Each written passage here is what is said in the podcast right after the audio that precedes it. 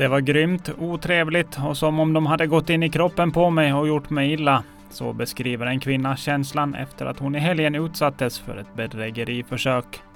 Hon överraskades av hur proffsiga bedragarna var.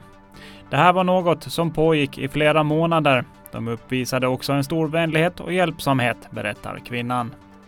Och antalet bedrägerier på Åland ökar och varje vecka får polisen in nya ärenden. Bedragarna kan vara mycket förtroendeingivande och listiga. Det viktigaste för att skydda sig själv är att aldrig ha för bråttom, enligt polisen Tommy Törnros. Adelina Engman spelade 60 minuter när Finland träningslandskampade mot Rumänien på Cypern under onsdagen. Finland vann matchen med 4-0. Det här var Finlands sista match under lägret där man spelat tre matcher och vunnit samtliga.